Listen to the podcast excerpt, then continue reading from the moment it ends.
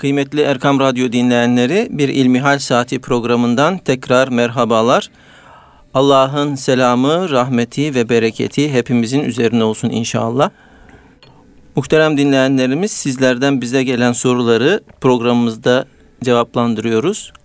Çok muhterem hocam Doktor Ahmet Hamdi Yıldırım sizlerden gelen soruları cevaplandırıyor. İnşallah. İlk sorumuzu hocama sormak istiyorum. Muhterem hocam demiş izleyicimiz, dinleyenimiz, e, sandalyede namaz kılmak caiz midir? Kimler sandalye üzerinde oturarak namaz kılabilirler? Elhamdülillahi Rabbil alemin ve salatu ve selamu ala Resulina Muhammedin ve ala alihi ve sahbihi ecmain. Tabi namaz denilince akan sular durur.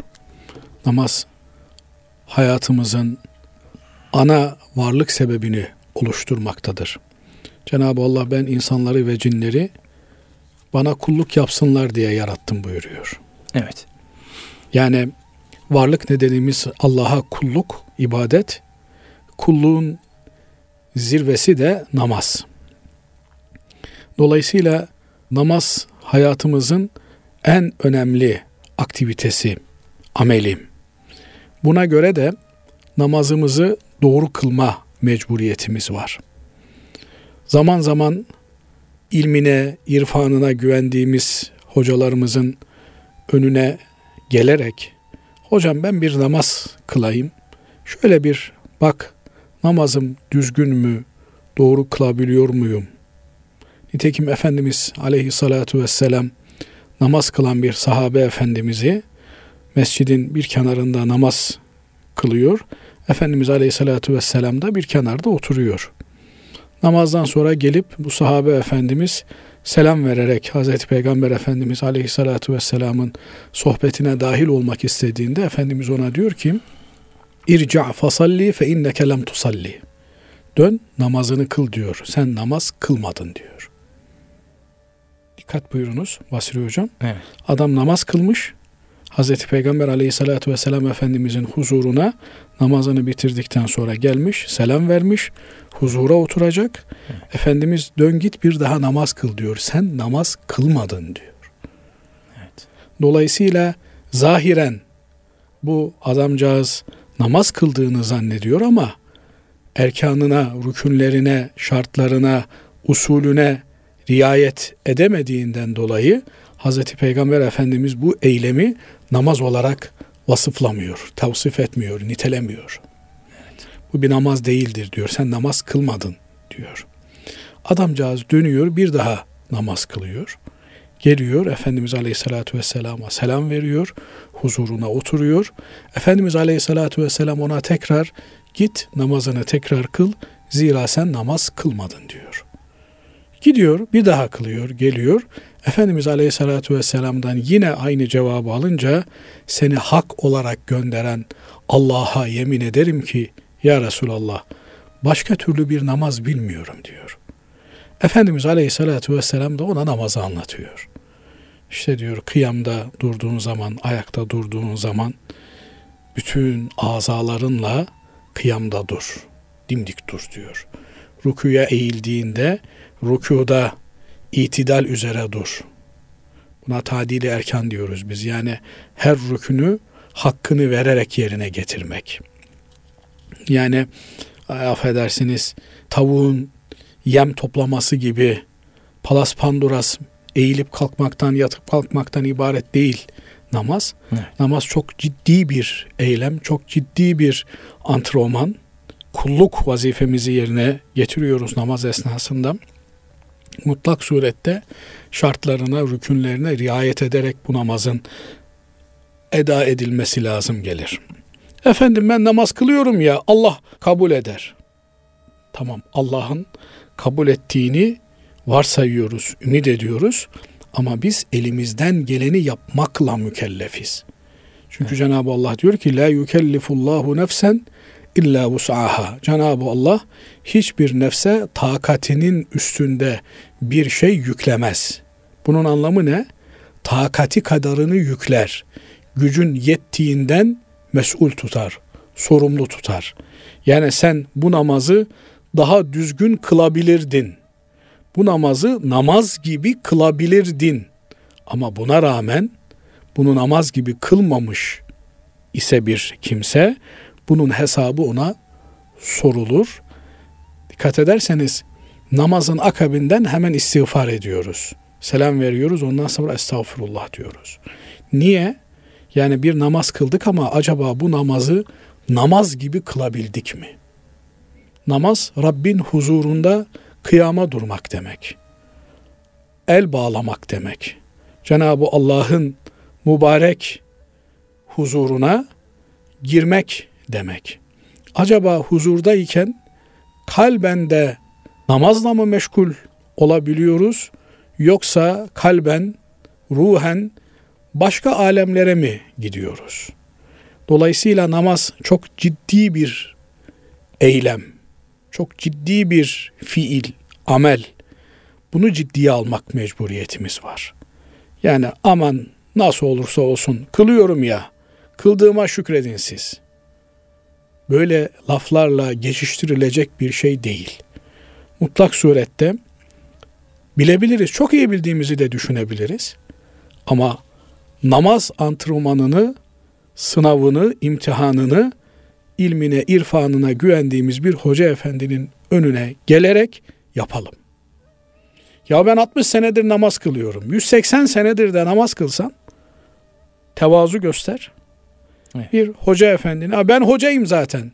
Hoca da olsan yine bir meslektaşının, bir hoca efendinin yanına git. Şöyle namaz kılıyorum de. Hatta fiilen de bir iki rekat namaz kıl. O hoca efendi de baksın. Sen de o hoca efendinin namazına bak. Şimdi bunu niçin söylüyorum? Bazen bakıyoruz. Yani siz belki sandalyede namazı sordunuz. Evet. Değerli izleyicimiz sandalyede namazı sordu ama hazır bu fırsat iken bu namaz mevzusu çok önemli. Bakıyorum şimdi namazda e, tabii kendimi göremiyorum. Benimle de ilgili mutlaka bir sürü eksik vardır, gedik vardır. Dolayısıyla bunları birbirimize hatırlatmamız lazım. Evet. Bakıyorum şimdi kelli felli bir hoca efendi ama namazı hiç öyle kelli felli değil. Namaz lalet tayin bir namaz. Bir cahilin bile kılmaması gereken bir namaz. Gerçi namazın cahilcesi, alimcesi, hocacası, talebecesi diye bir şey yok. Namaz tek bir namaz. Allah'ın huzurunda kıyama durmak demek. Ayağa kalkmak demek. Dolayısıyla ya ben 60 senedir kılıyorum kıl. 70 senedir de kılsan yine bir bilir kişiye müracaatla bu kıldığım namaz namaz mı? Bakın burada Efendimiz Aleyhisselatü Vesselam'ın bir hadisesini anlatıyoruz. Adamcağız caminin bir köşesinde kenarında namaz kılarken Efendimiz görüyor. Üç defa namazını tekrar ediyor. Artık başka namaz bilmiyorum deyince yani bilmediğini itiraf edince öğrenmeye açık olduğunu deklare edince Efendimiz ona namazın nasıl kılınacağını beyan ediyor. Dolayısıyla namaz e, çocukluktan beri Sıbyan mekteplerinde yaz aylarında işte okuldan sonra bizleri gönderdikleri cami kurslarında öğrendiğimiz bir şey var namazın farzları 12 altısı içinden altısı dışından içinden olanlara rükün dışından olanlara şart denir. Bunlar nedir? Bunların anlamı yerine getirilmesi nasıl olur? Mesela zaman zaman konuşuyoruz. Namazın rükünlerinden bir tanesi de kıraattır diyoruz. Kıraat ne demek? Kur'an okumak demek. Yani namazın namaz olabilmesi için en önemli unsurlarından, şartlarından, rükünlerinden bir tanesi namazda Kur'an okumak gerekiyor. Okumak nedir? En az insanın kendisinin işitebileceği kadar bir ses çıkartması, ağzını hareket ettirmesi, dilini hareket ettirmesi, harflerin düzgün bir şekilde mahreçlerinden yani çıkması gereken yerlerden çıkmasıdır. Milletimizin ana lisanı Türkçe olduğu için Arapçada da Türkçede bulunmayan bir takım harfler var. Bunlar özel eğitim istiyorlar. Bunlarla ilgili mesai harcamak lazım. Bunlarla ilgili bir bilenin, bir hoca efendinin dizinin dibine oturmak gerekiyor. Ya ben 70 yaşından sonra bunları nasıl yapacağım? Yapacaksın. Bu Rabbimizin huzurunda ifa ettiğimiz bir amel. Yani 70 yaşında adamı 80 yaşındaki adamı da devlet başkanının huzuruna götürdüklerinde kılığına kıyafetine çeki düzen vererek götürüyorlar. Yani takım elbise giydiriyorlar, bilmem ne taktırıyorlar, şunu yapıyorlar, bunu yapıyorlar. Sen 80 yaşındasın, sen pijamanla da gelsen olur demiyorlar. Ki nihayetinde bir devlet başkanı. Biz kainatın Rabbinden, bütün varlık aleminin sahibinden bahsediyoruz. Varlığın ve yokluğun Rabbinden bahsediyoruz. Onun huzurunda kıyamda çok dikkat edilmesi gereken hususlar var. Kıraat mesela bunların en önemlilerinden bir tanesi. Yani namazda adamın ağzı oynamıyor. Hiç hareket yok ağzından. E sen Fatiha'yı okumadın mı? İçimden okudum. İçinden okuduğun Fatiha ile namaz olmaz. Bazen de bakıyorsunuz aşırı sesli olarak gündüz namazlarında okuyor. Bu da doğru değil. Yani sadece kendin duyacağın kadar bir sesle kıraati yapman lazım. Ha, gece namazlarında elbette aşikar olarak da kıraat yapılabilir. Buradan şunu ifade etmeye, anlatmaya çalışıyorum ki namaz çok ciddi bir hadise. Şimdi mesela sandalyede namaz meselesine gelince sandalyede namazı birçok kimse oturarak namaz olarak anlıyor. Yanlış. Sandalyede kılınan namaz oturarak kılınan bir namaz değildir. Bakın Efendimiz Aleyhisselatü Vesselam'a sahabe efendilerimizden bir tanesi geliyor. Ya Resulallah diyor. Ben de filan illet var diyor. E, hatırlayabildiğim kadarıyla basurum var diyor. Dolayısıyla ben diyor ayakta namaz kılamıyorum, oturamıyorum filan diyor. Efendimiz buyuruyor ki namazını ayakta kıl diyor. Ayakta kılamıyorsan oturarak kıl diyor. Oturarak kılamıyorsan yatarak ima ile kıl diyor. Yani bir defa namazdan kurtuluş yok. Her halükarda namazı kılmak mecburiyetindeyiz. En ağır şartlarda bile namaz kılınacak. Geçen bir e, kardeşimizle konuşuyorduk yine. E, ciddi rahatsızlığı olan, e, neredeyse başı hariç hiçbir azası çalışmayan, konuşmasını da düzgün yapamayan bir kardeşimizden bahsetti. Bu dedi namazını dedi teyemmüm yaparak kılıyordu dedi. Sonra bir hoca efendi geldi dedi ki ona sen artık teyemmüm yapamıyorsun sen namaz kılmasan da olur. Namazı bıraktı diyor Aha. ve o adamcağızın hayat sevinci gitti, neşesi gitti, hayatta olmanın manası kayboldu onun için. Günden güne durumu kötüleşti. Aksine namaz bizim dünya ile irtibatımızı sağlayan en önemli unsur. Yani eğer namaz yoksa Vasili Hocam bu dünyanın çilesine katlanmanın ne alemi var? Eğer namaz bile kılamıyorsa bir insan bu hayatta var olmanın ne tür bir manası olabilir? Dolayısıyla namaz bizim hayatımızı manalandıran, anlamlandıran en önemli unsurlardan bir tanesi. Ne kadar ağır hasta olursak olalım namazımızı kılacağız. E ayakta duramıyorum, oturamıyorum. Yattığın yerden imayla kılarsın. Dolayısıyla eğer bir namazda secde yoksa yani alnımızı secdeye koymak suretiyle secdeyi yerine getiremiyor isek bu namaz ima ile kılınan bir namazdır. Bu namaz oturarak kılınan bir namaz değildir. Oturarak nasıl kılınır namaz? Dizlerinizi kırarsınız, yere oturursunuz veya bağdaş kurarak yere oturursunuz. Efendim tekbir getirir, kıyamda durursunuz. Yani beliniz dik durur. Bu esnada kıraat yaparsınız. Subhaneke'yi okursunuz, peşinden Fatiha'yı okursunuz, peşinden Zamm-ı Sure'yi okursunuz. Sonra hafifçe eğilir, rükunuzu yaparsınız. Sonra da secdeye gidersiniz.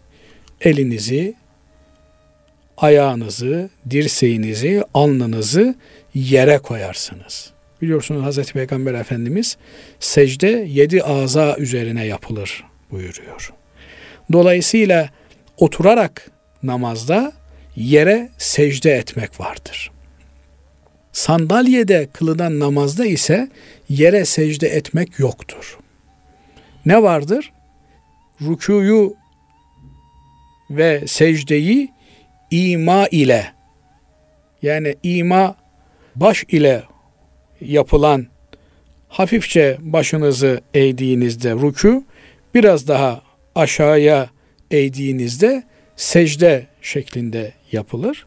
Bazen bel yardımıyla da hafifçe belinizde başınızı eğdiğinizde ruku, biraz daha eğdiğinizde de secde yapılmış olur. Burada eğer yere secde yapılmıyor ise bu oturarak namaz değildir. İma ile kılınan namazdır. Genelde yaşlı insanlarımız veya dizinden ameliyat olmuş olan insanlarımız, kardeşlerimiz, Müslümanlar dizlerini bükemedikleri için, yere oturamadıkları için secde yapmak onlar için çok sıkıntılı olduğundan dolayı oturarak namaz kılıyorlar. Binaenaleyh sandalyeye oturarak ima ile namaz kılıyorlar. Bu kimseler secdeye gidemediklerinden dolayı bunların bir özrü, mazereti, geçerli bir sebebi vardır. Bundan dolayı sandalyede namazlarını kılabilirler. Fakat oturabilecek durumda olan yani mesela birini düşünün ki ayakta duramıyor, bir hastalığı var, dengesini sağlayamıyor.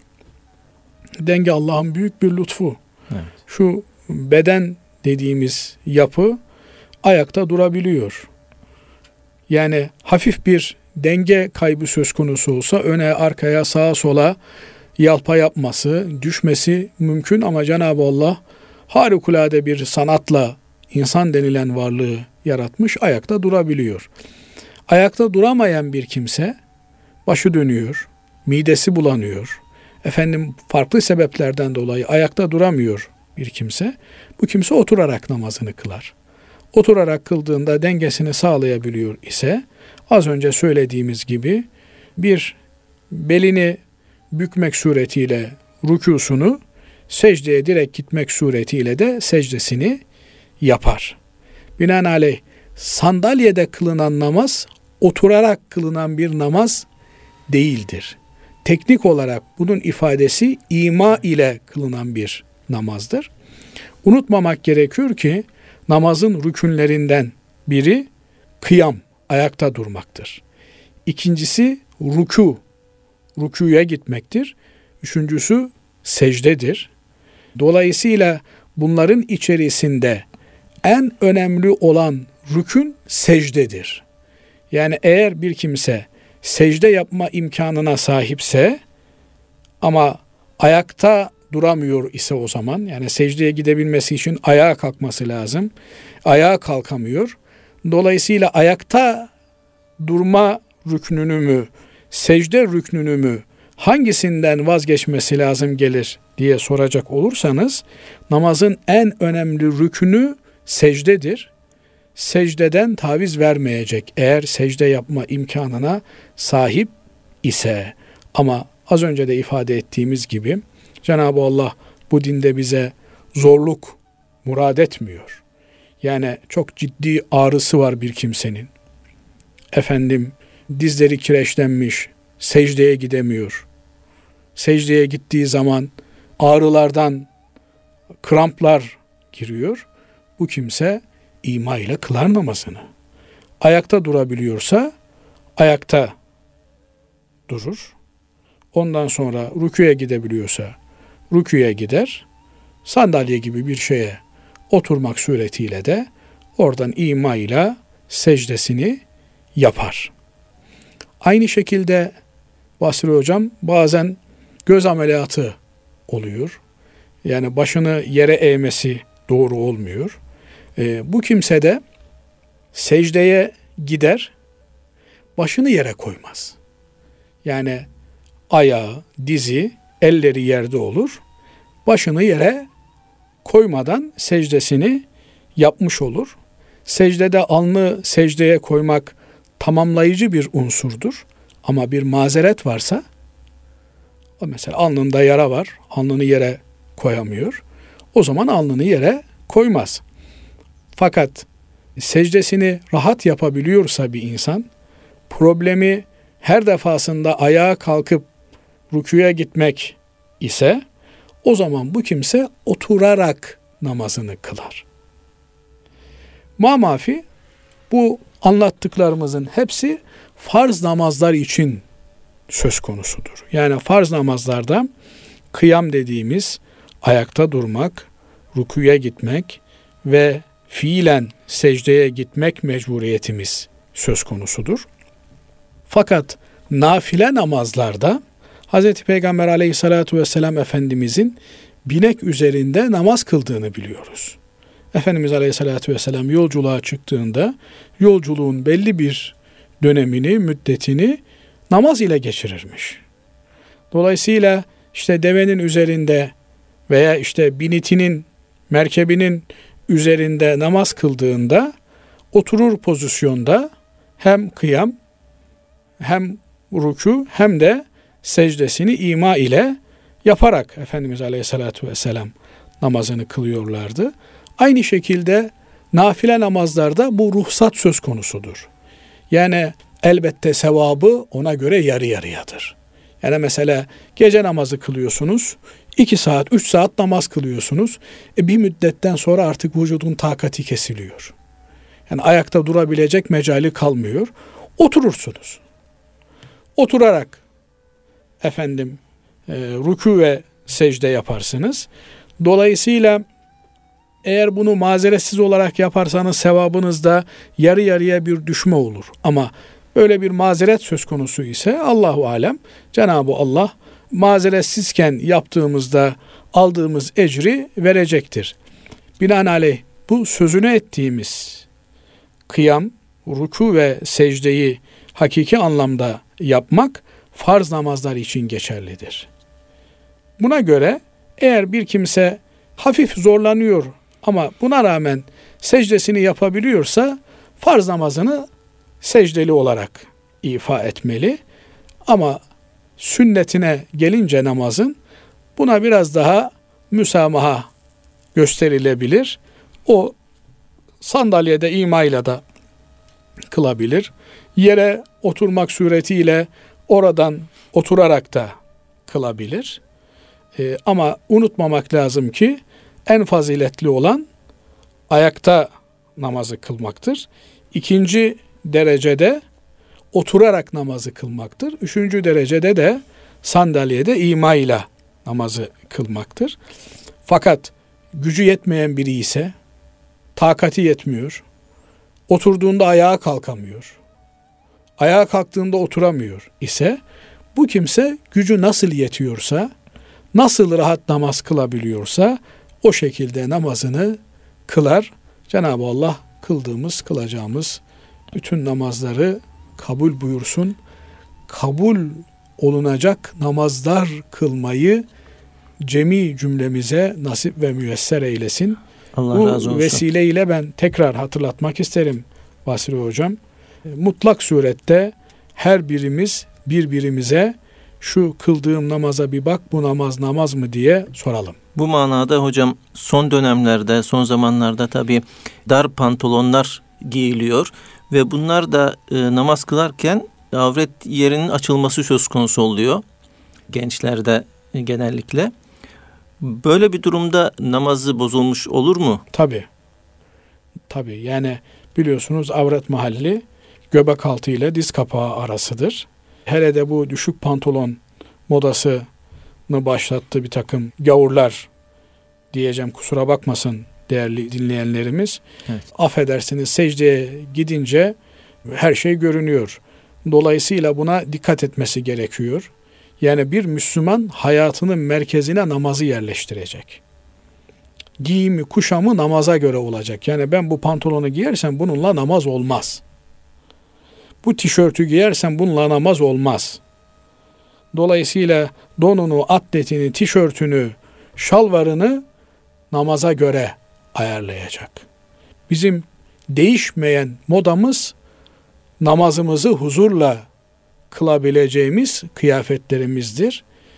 Gençler eğer aykırı takılmak istiyorlar ise günün moda ifadesiyle şeytana aykırı tavırlar üretsinler. Dolayısıyla nefse aykırı hareketler benimsesinler. Böylelikle Rabbani bir gençlik olmanın zevkini, safasını sürmeye gayret etsinler inşallah. Allah razı olsun muhterem hocam. Kıymetli dinleyenlerimiz şimdi kısa bir araya gidiyoruz. Aradan sonra tekrar birlikteyiz. Kıymetli dinleyenlerimiz İlmihal Saati programımıza kaldığımız yerden devam ediyoruz. Muhterem hocam bize ulaşan diğer bir soru şöyle. Kişi bildiğinden sorumludur deniliyor. Peki insan her bildiğini her yerde anlatabilir mi ya da anlatması gerekir mi? Evet tabi bilgi insana bir sorumluluk yüklüyor. Yani bir şeyden haberdar olmak, bir şey hakkında bir bilgi sahibi olmak o konuda bir mesuliyeti doğuruyor. Fakat oh ne güzel ben bilmiyorum o zaman mesul değilim. Manası da çıkmaz buradan. Dolayısıyla dinin bilinmesi gereken zaruri meselelerini her Müslümanın bilme mecburiyeti vardır. Bilmemek bir mazeret kabul edilmez.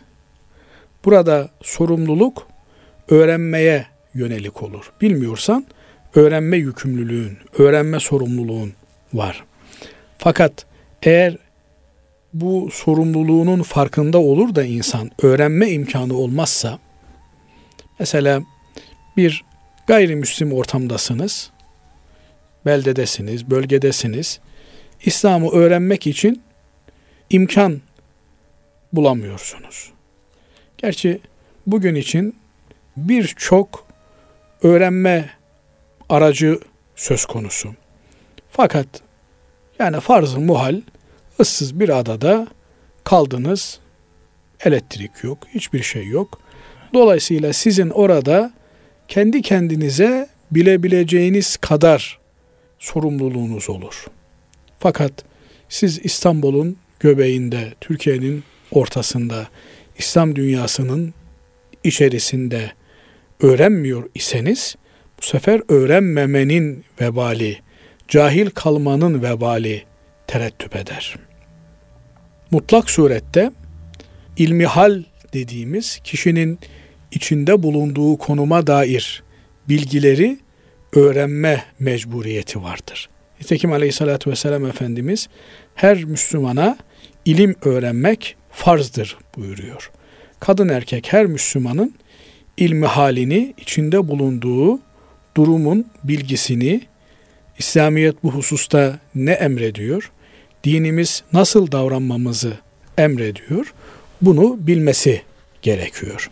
Mesela bekar bir kimseye çocuk nasıl yetiştirilir ilmini öğrenmek belki farz-ı ayn olmayabilir ama çocuğu olan bir aileye çocuğa karşı vazifelerinin ne olduğunu öğrenmek bir farz olarak terettüp eder.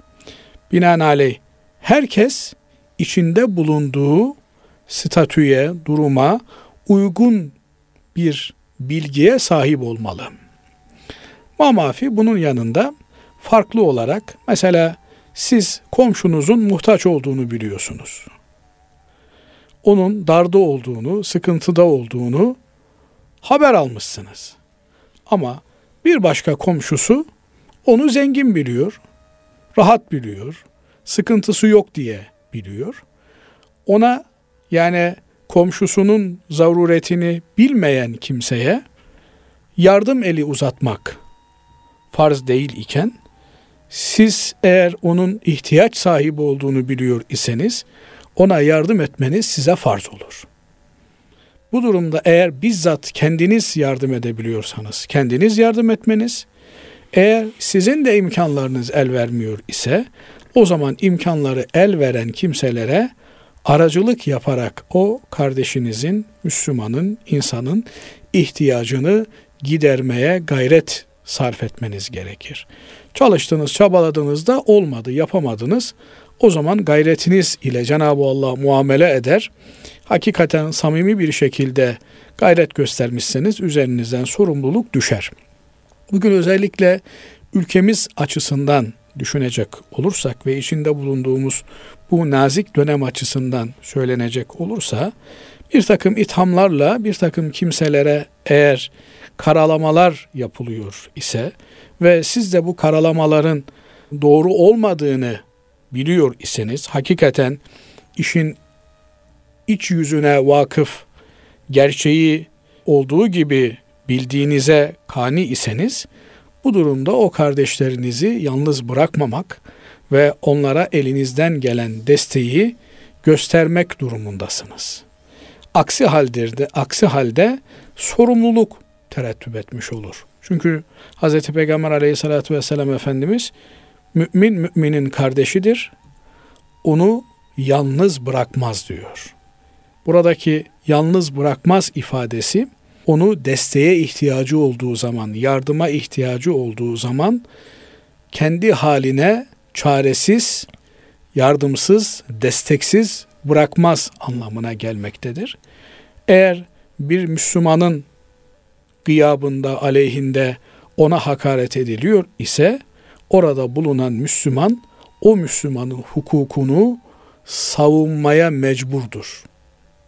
Hayır kardeşim, o kardeşim için öyle bir şey söylüyorsunuz ama onun bununlarla hiçbir alakası yoktur diye bildiğini söylemesi gerekir ve bir Müslüman aleyhine oluşabilecek olan olumsuz intibaları havayı bertaraf etmesi lazım gelir.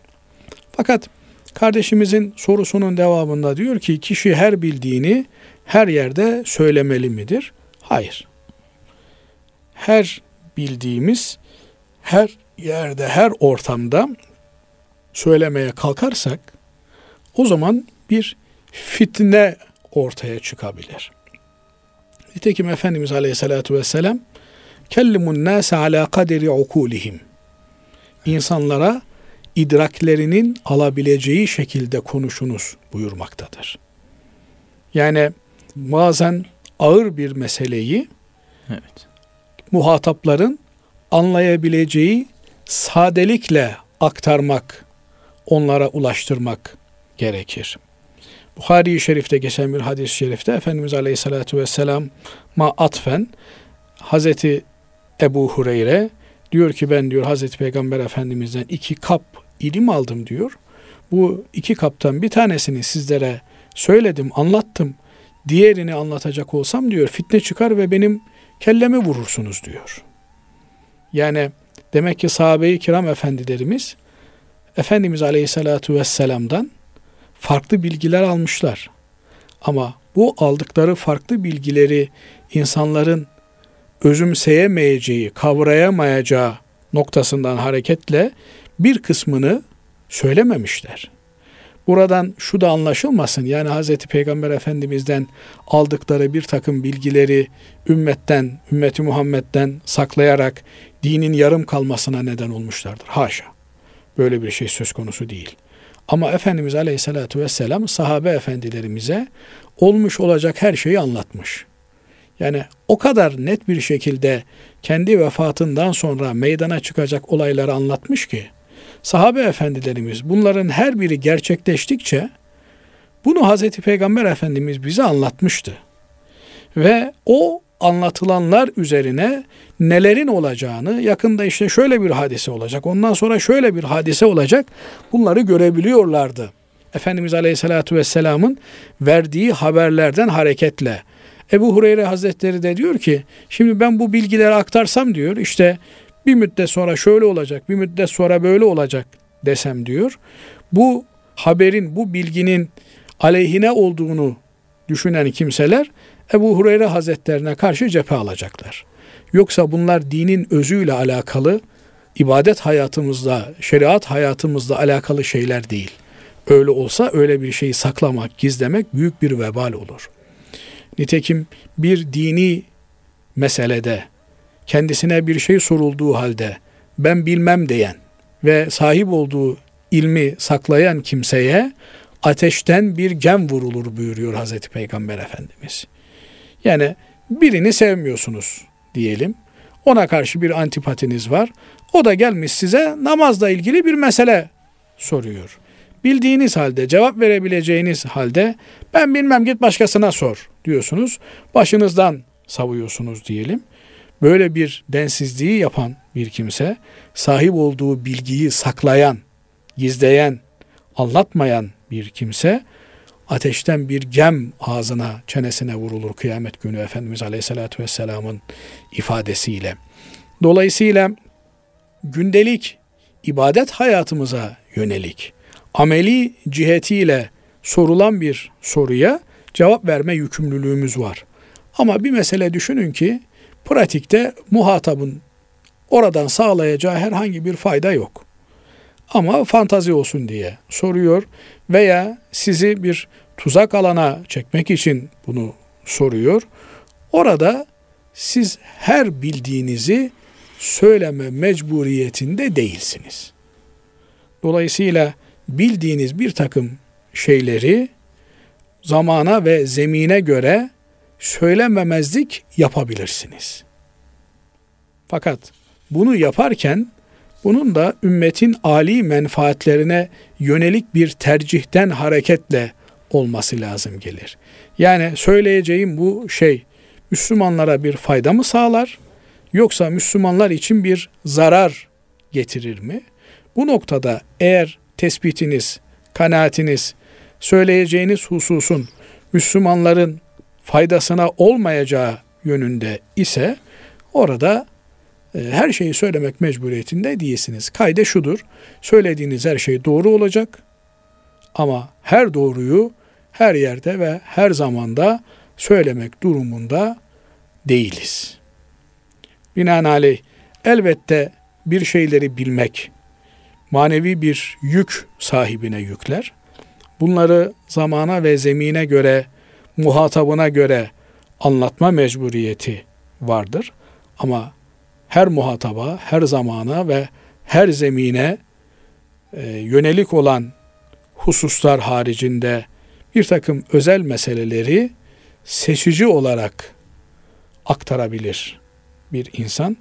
Burada da eğer hareket noktası Allah korkusu ise, hareket noktası Müslümanların âli menfaatleri ise Cenab-ı Allah buna karşılık da o kimseye mükafat verir. Allah razı olsun muhterem hocam. Bir diğer sorumuz dua ile ilgili. Dinleyenimiz şöyle sormuş. Dua ederken ellerin şekli nasıl olmalıdır? Bitişik mi, ayrı mı, omuz hizasında mı, yüz hizasında mı?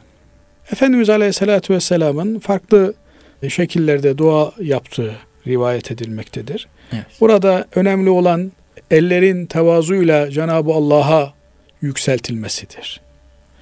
Yoksa elin şeklinden önemli olan kalbin teveccühüdür. Kalbin Cenab-ı Allah'a ihlasla yönelmesidir. Eyyemmâ ted'u felehul esmâul husna buyuruyor Cenab-ı Allah. Nasıl dua ederseniz edin Allah'a aittir güzel isimler. Yani ister Rahman diyerek dua edin, ister Rahim diyerek dua edin. Bütün Esmaül Hüsna ile istediğiniz şekilde Cenab-ı Allah'a dua edebilirsiniz. Bakın Kur'an-ı Kerim'de birçok yerde Hz. Peygamber aleyhissalatü vesselam Efendimiz'e sana şu soruyu sorarlar. De ki diye başlayan ayetler vardır. Evet. Bir tek Cenab-ı Allah Bakara suresinde buyuruyor ki kullarım sana beni sorarlarsa de ki demiyor. Ben onlara çok yakınım diyor. Dekiyi kaldırıyor aradan. Ve izâ sâleke ibâdî anni fe inni karib. Kullarım sana beni sorarlarsa ben onlara çok yakınım. Şah damarından daha yakınım. Cenab-ı Allah'a dua etmek için ele ihtiyaç yok, dile ihtiyaç yok, ağza ihtiyaç yok, gönle ihtiyaç var, kalbe ihtiyaç var. Ucibu davete da'i iza da'ani. Ben bana dua eden duacının duasına hemen icabet ederim diyor Cenab-ı Allah. Bir defa duanın şartları içerisinde elin pozisyonları zikretmiyor alimlerimiz. Evet. Elin açık dua etmişsin, kapalı dua etmişsin, ellerini omuzlarına kadar kaldırmışsın. Efendimiz Aleyhisselatü Vesselam Bedir'de dua ederken ellerini göğe kadar kaldırmış, koltuk altındaki beyaz görünmüş. Yani bu pozisyonda önemli olan yaptığın duanın muhtevasıdır. Ve dua yaparken duanın kabul olunacağını bilerek dua yapmak lazım. Rastgele ben atayım da tutar inşallah diye dua yapılmaz. Yaparken bir dua bunu Cenab-ı Allah kabul edecek diye bilerek dua yapılır. Ve Cenab-ı Allah bunu garanti ediyor. Ben diyor sizin duanıza icabet ederim diyor. Fakat bu icabetin biz zannediyoruz ki hemen ya Rabbi işte bana bir araba ver ertesi gün kapının önüne bir araba gelmesi şeklinde anlıyoruz zaman zaman. Bu yanlış. Cenab-ı Allah duayı mutlak surette kabul eder. Çünkü öyle buyuruyor. Ucibu da'vete da'i iza da'ani. Bana dua ettiğinde duacının duasını kabul ederim diyor. Bu bir garanti cümlesi. Yani bu cümlenin yanlış olma ihtimali yok. Peki ama ben dua ettim, dualarım kabul olmadı. Yok öyle bir şey. Dua kabul olur. Duam kabul olmadı demek çok büyük bir yanlış, çok büyük bir vebal, çok büyük bir günahtır. Ama duanın ne zaman, nasıl ve ne şekilde kabul olunacağı Allah katında malumdur. Sen bu dünyaya yönelik bir dua yaparsın, Cenab-ı Allah onu ahirete yönelik kabul eder. Çünkü biz nasıl dua yapacağımızı da bilemiyoruz Basri Hocam. Evet. Bazen yaptığımız dualar aleyhimize oluyor. Onun için büyükler diyor ki nokta atışlı dualar yapmayın diyorlar. Ya Rabbi bu sene hacca gitmeyi bana nasip eyle. Böyle nokta atışlı, zaman gösteren, mekan gösteren, şahıs gösteren dualar yapmayın. Ya Rabbi hayırlısı ile en kısa zamanda hac etmeyi bana nasip eyle. Ya Rabbi hayırlı ise şifalar lütfeyle. Evet. Bütün dualarımıza hayırlı ise kaydını düşmeliyiz. Çünkü istediğimiz şeyin hayır mı şer mi olduğunu biz bilemiyoruz. Ayet-i Kerime çok net bir şekilde bunu ifade ediyor. Sizin hayır zannettiklerinizde şer, şer zannettiklerinizde hayır vardır diyor. Evet. Sen mutlak surette çocuk istiyorsun. Ya Rabbi bana çocuk ver, bana çocuk ver, bana çocuk ver. E veriyor sana çocuk. Ama 20 sene sonra, 25 sene sonra o çocuk senin perişanlığın oluyor. O çocuk sana vebal oluyor. O çocuk sana bir düşman kesili veriyor. Ama sen istedin. Yalvara yakara istedin. Dolayısıyla böyle mutlak değil. Ya Rabbi hayırlısı ise ver, hayırlı değil ise verme. Mutlak surette ne kadar emin olursak olalım istediğimiz, dua ettiğimiz şeye dair hayırlısı ifadesini kullanalım. Evet. Ama mutlak hayır olduğunu bildiğimiz şeyler var. Ya Rabbi sana kulluğa beni muvaffak et. Burada Ya Rabbi hayırlısı ise sana kulluğa muvaffak et diye dua edilmez. Ya Rabbi cennetini ver. Ya Rabbi cehenneminden koru. Onun için bir mübarek zat Kabe-i Muazzama'yı gördüğümüzde e, bir rivayette diyor ki yapılan bütün dualar kabul olunur. Kabe'yi ilk gören kimsenin yaptığı ilk dua kabul olunur. Bu mübarek de Kabe-i Muazzama'yı gördüğünde demiş ki Ya Rabbi senden benim nasıl olmamı benden istiyorsan onu istiyorum diyor. Yani beni kendine razı olduğun bir kul haline getir diyor. Nitekim e, yine güzel dualardan bir tanesi de Ya Rabbi peygamberinin senden istediklerini senden istiyoruz. Evet. Sana sığındığı şeylerden de sana sığınıyoruz. Çünkü biz neyi isteyeceğimizi nereden evet. bileceğiz? Bize kalsa incik boncuk isteriz. Çelik çomak isteriz. Ama bu dünya hayatının fani şeylerini istemek yerine Cenab-ı Allah'ın rızasını istemek, ulvi yüce şeyleri istemek lazım. Bir de Efendimiz Aleyhisselatü Vesselam'a salatu selamı eksik etmemek lazım. Sahabe efendilerimizden biri diyor ki ya Resulallah diyor duamın ne kadarında sana salatü selam okuyayım diyor. Üçte birinde yani bir saat dua edeceğim. Bunun 20 dakikasını sana salatü selamla geçireyim. Olur diyor fazlası daha iyi olur diyor. O zaman yarısını diyor. Olur ama fazlası daha iyi olur. Üçte ikisini diyor. Olur ama fazlası daha iyi olur diyor Efendimiz. O zaman ya Resulallah bütün duamı sana salatü selam yapayım diyor. Olur diyor. Niye? Çünkü hadis-i şerifte Efendimiz Aleyhisselatü Vesselam buyuruyor ki bir mümin bir mümine arkasından dua ettiğinde Cenab-ı Allah bir melek gönderir Allah sana iki katını versin der diyor. Dolayısıyla salatu selam bir yönüyle de Hazreti Peygamber Efendimiz'e dua etmek. E ona biz dua ettikçe melek de kalkıp demez mi?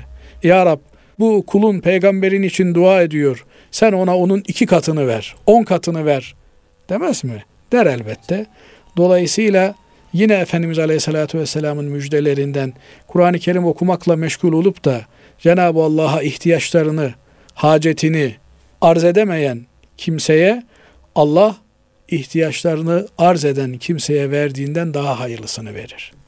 Yani bir adam yarım saat oturmuş dua ediyor. Ya Rabbi onu ver, Ya Rabbi bunu ver, Ya Rabbi çocuklarımı şöyle yap, Ya Rabbi şunu böyle yap, bunu böyle yap diye.